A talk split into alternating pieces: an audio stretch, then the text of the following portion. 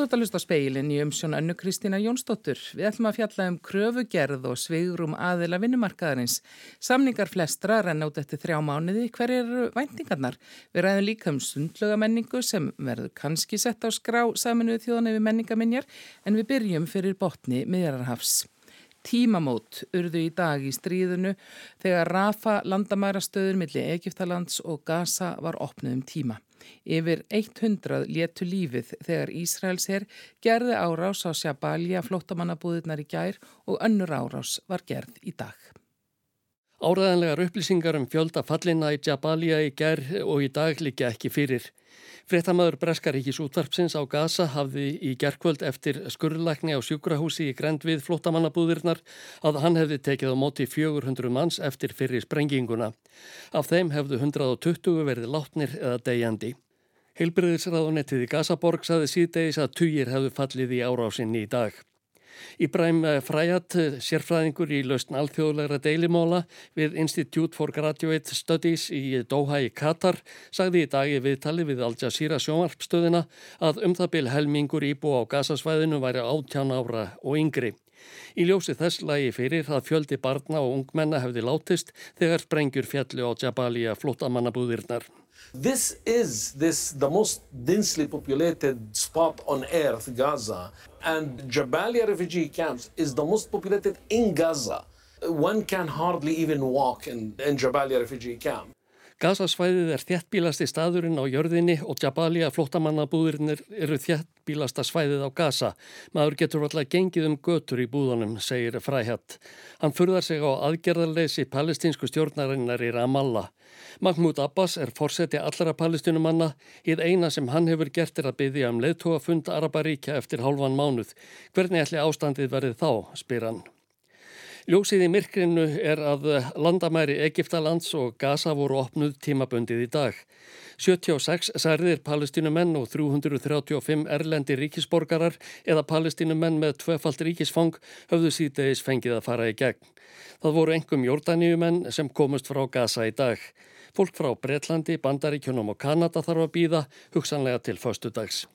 Alltaf 7000 manns eru með erlend vegabref og býða þess að komast á brott. Flestir hinn að særðu voru fluttir á bráðabirðasjúkrahús sem Egiptar hafa reist í Sheikh Suveit, skamt frá landamörunum. Þeir hafðu gefið leifi fyrir 90 særðum og 545 útlendingum eða fólki með tvöfalt ríkisfang í dag. Alltjóða heilbriðistofnunin fagnaði því í dag að byrjað værið að flytja særða palestinumenn til aðhlinningar í Egiptalandi. Mynd var á að á gasasvæðinu er enn þúsundir særðra og sjúklinga með ólæknandi sjúkdóma. Á annað þúsund þurfa skilunar meðferð vegna nýrnasjúkdóma, 2000 eru krabbamenns meðferð, 45.000 glíma við hjarta og æðasjúkdóma og 60.000 eru með sikursíki. Allt þetta fólk þarf að hafa aðgang að helsugæslu og gasa, segir í tilkynningu stofnunarinnar. Stefan Dusjarik, talsmaður Antónius Guterres aðal framkvæmda stjóra saminuðu þjóðana, sagði í gær að stigvaksandi ár, árásir Ísraels hers og eldflöga árásir Hamas á Ísrael væru verulegt áhyggjuefni. Alþjóða lög væru þver brotinn. The international humanitarian law establishes clear rules that cannot be ignored. It is not an a la carte menu and cannot be applied selectively. Alþjóðlega mannúðarlög setja skýrar skorður við því sem má og má ekki. Þau eru engin ala kart matseðl og ekki er hægt að beita þeim að eigin geðþóta, saði þú Sjarik. Allir verða að hlýta þessum lögum þar á meðal grundvallar atriðunum um gagkvæma virðingu, meðalhóf og varúð. Ofmargir palestinumenn og Ísraelsmenn hafa þegar látið lífið og stigmögnun stríðsaðgerðana eikur einungis á gríðarlegar þjáningar almennra borgara. Ásker Tómasson tók saman.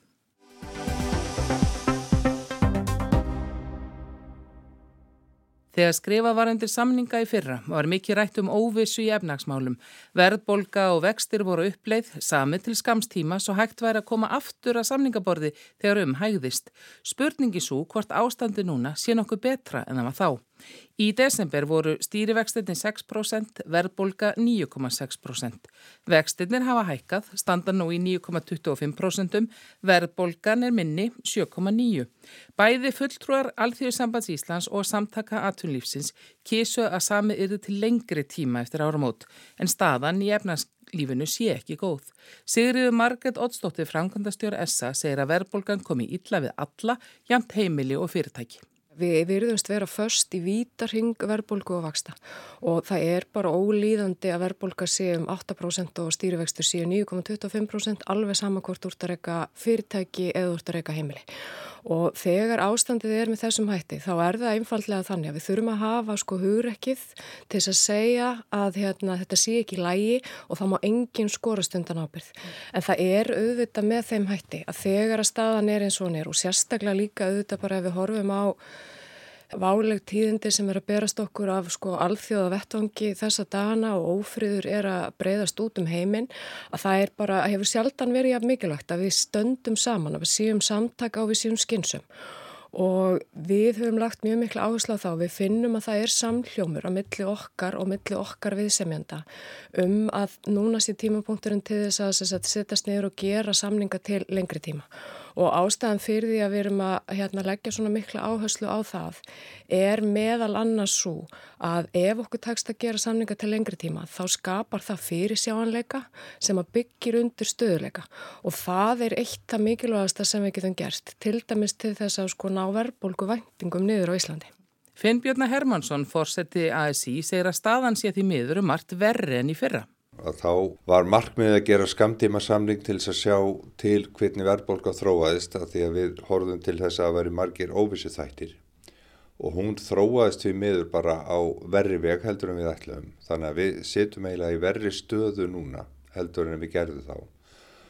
Sem að segja okkur að við uh, horfum til þess að gera langtíma samninga til þess að uh, minka þessa óvissu sem að er í hérna efnahagslífinu en við erum bara einn þáttur í þessu efnahagslífi og uh, það sem klikkaði síðast var það að þessar svo kallu verðbólgu væntingar sem að fyrirtæki gera það gekk allt saman í þá veru að uh, setja allt út velægið og þess vegna eru við á þessum stað sem við erum í dag til þess að undirstryka hversu mikilvægt það er að ná tökum á verðbólkunni ef okkur tekst að ná vakstastíginu niður um 1% stig þá þýðir það að sko meðal heimili fær 33.000 krónur aukarlega í vasan ef að viðkomandi er með húsnæðislánu upp á 40 miljónir.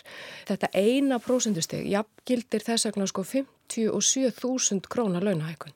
Sko við hjá samtökum atvinnlýsins hefum lagt miklu áherslu á það að hérna, gerð kjærasamninga eru þetta samkominlaga milli aðila vinnumarkaðarins Við þekkjum það líka sem að búum á Íslandi og erum á okkar aldrei sko, við erum búin að gangi í gegnum ímislegt í hagsögunni, launahækkanir er ekkit, lögumál sko, við auðvitað ekki mesta áherslu á það að þetta sé samkóla millir aðla vinnumarkaðarins. En á sama tíma þá er það auðvitað þannig að hérna, ríki getur haft með sínum ákverðunum mjög mikil áhrif á rekstur fyrirtækja og líka rekstur heimæluna. Það liggur alveg fyrir og staðan er bara með þeim hætti núna að það þurfa allir að taka ábyrð. Það má enginn skorast undan ábyrðinni. En er raunhægt að ætla að gerðu verði langtíma samningur eftir áramót? Við erum tilbúin til þess að skoða langtíma samning. Ef að aðrir eh, sína okkur fram á að uh, þeir taki sinn þátt í uh, svona görðinni að búa til verðbólgu, ef að þeir taka, taka ábyrð á þeim þáttum sem að þeir geta haft áhrif á, þá er við tilbúin til þess að gera langtíma samling en það er alveg rétt eins og spurningin hljóðaði að það er meiri, meiri óvisa núna heldur en var nokkur tíman í fyrra. Frá okkar bæjartunum séð þá hefur við auðvitað lagt langum mest áherslu á það þegar að kemur að því að ná niður verðbólkunni að hefur ofinbera eiði ekki um efni fram og við sjáum það til dæmis að því fjárlega frimarpi sem að liggja fyrir núna Sælabankin er að meta það að þetta fjárlega frimarp hafi hvorki jákvæð nýja neikvæð áhrif á verðbólku væntingarnar. Það segir mjög margt um stöðuna. Við höfum lagt mjög miklu áherslu á það að hefur ofinbera gæti að því að eiða ekki um efni efnifram og við sjáum það í þessu fjárlega frumvarfi núna að það er í rauninni ekki verið að sko ráðast í neina tiltækt á útgjaldahliðinni. Það er í rauninni verið að hækka skatta bæði á fyrirtæki og heimili í þessu fjárlagafröðvarpi og staðan er þannig að sko ríkið er að greiða samkvæmt fjárlagafröðvarpinu á næsta ári 111 miljardar í vakstakjöld. Þetta þýðir það að sko hver einasta fjóramanna fjölskylda á Íslandi er að greiða gegnum skattana sína miljón á næsta ári í vakstakjöld. Þetta er þriðji stærsti útgjaldalegur hins ofinbera. Þannig að það er mjög mikilvægt að ná tökum á útgjöldum hins ofinbera og að sko útgjöld eða útgjölda aukning sem hefur orðið hjá hinn ofinbæra undarförnum árum, hún má ekki vera þannig að framlegsla í hagkerfinu get ekki staðið undir henni vegna þess að það er bara korki réttlátni sangjan. Það er ekki nægilega mikið byggt til að mæta eftirspurt, segi Finnbjörn og staðan í húsnæðismálum er verri en hún var fyrir ári. Sávandi er bara þá stærri og það verður svona hryggjastekkið í því hvernig við komum til með að ná samningum. Það er trúveruleikin á það hvernig við förum í gegnum, gegnum það vandamál að sem sagt ennan húsnæði skort sem að náttúrulega blasir við öllum. Húsnæðismálun eru eitt stærsta efnahás og velferðamála á Íslandi og staðan á húsnæðismarkaði hún er mjög alvarleg. Hún er mjög alvarleg vegna þess að það er sko undirliggjandi frambóðsvandi vegna þess að okkur hefur ekki tekist að byggja í takt við þarfir. Það er að byggja í takt við fjölg sem, þá fjölgun sem hefur átt sér stað á Íslandi, íbúaverð hefur á raunverði ég er búin að leðra þetta fyrir sko verbulguna, hæk ríflega tvöfaldast á síðasta áratug. Þannig við erum að sjá útgjöld heimilana eða hlutfall útgjölda heimilana sem fer í húsnæðiskostna, það fer stighækandi en á sama tíma markaðurinn mjög kaldur núna, þar að að það sapnast upp eignir og hérna að fólk á erfitt með að komast inn á markaðin meðalans út af þessu hafa vakstasti. Þannig að þar, þetta er svona, þetta föst í en þess vegna þurfum við að vera skynsum og við þurfum að vera samtaka. Væntingar til þess ombera, ríkis og sveitarfélag snúast fyrst og fremst um húsnæðismálinn. Við byggjum ekki íbúðir á svona örskömmun tíma þannig að við þurfum að vera með lofórðin í framtíðina en þau verða að vera þess eðlis að við trúum að þau gangi eftir. Þar til viðbótar að þá eru við með svona jöfnunakerfi á meðan að þetta ástandi með þessum hætti bæði skuldu á fjölskyldur og fólk með erfiða byrði vegna leigu að það verður að vera einhvað tilfæslu kerfi sem við getum reitt okkur á og verður aðeins inn í framtíðina. Búin að vera með barnabótakerfi, vakstabótakerfi og húsnæðisbótakerfi langan tíma. En þau eru svo hverful að við erum ekki búin að skrifa undir að þá er búið að breyta öllum reglum en það verður að vera einhver fyrirsjámanleiki í þessum kerfum allavega út þannig að samlýstíma sem við komum til með að ná. Saði Finnbjörna Hermansson, fórseti Alþjóðsambands Íslands og líka var rætt við Sigriði Margreti Ottsdóttur, framkvæmda stjóra samtaka aðtunulífsins.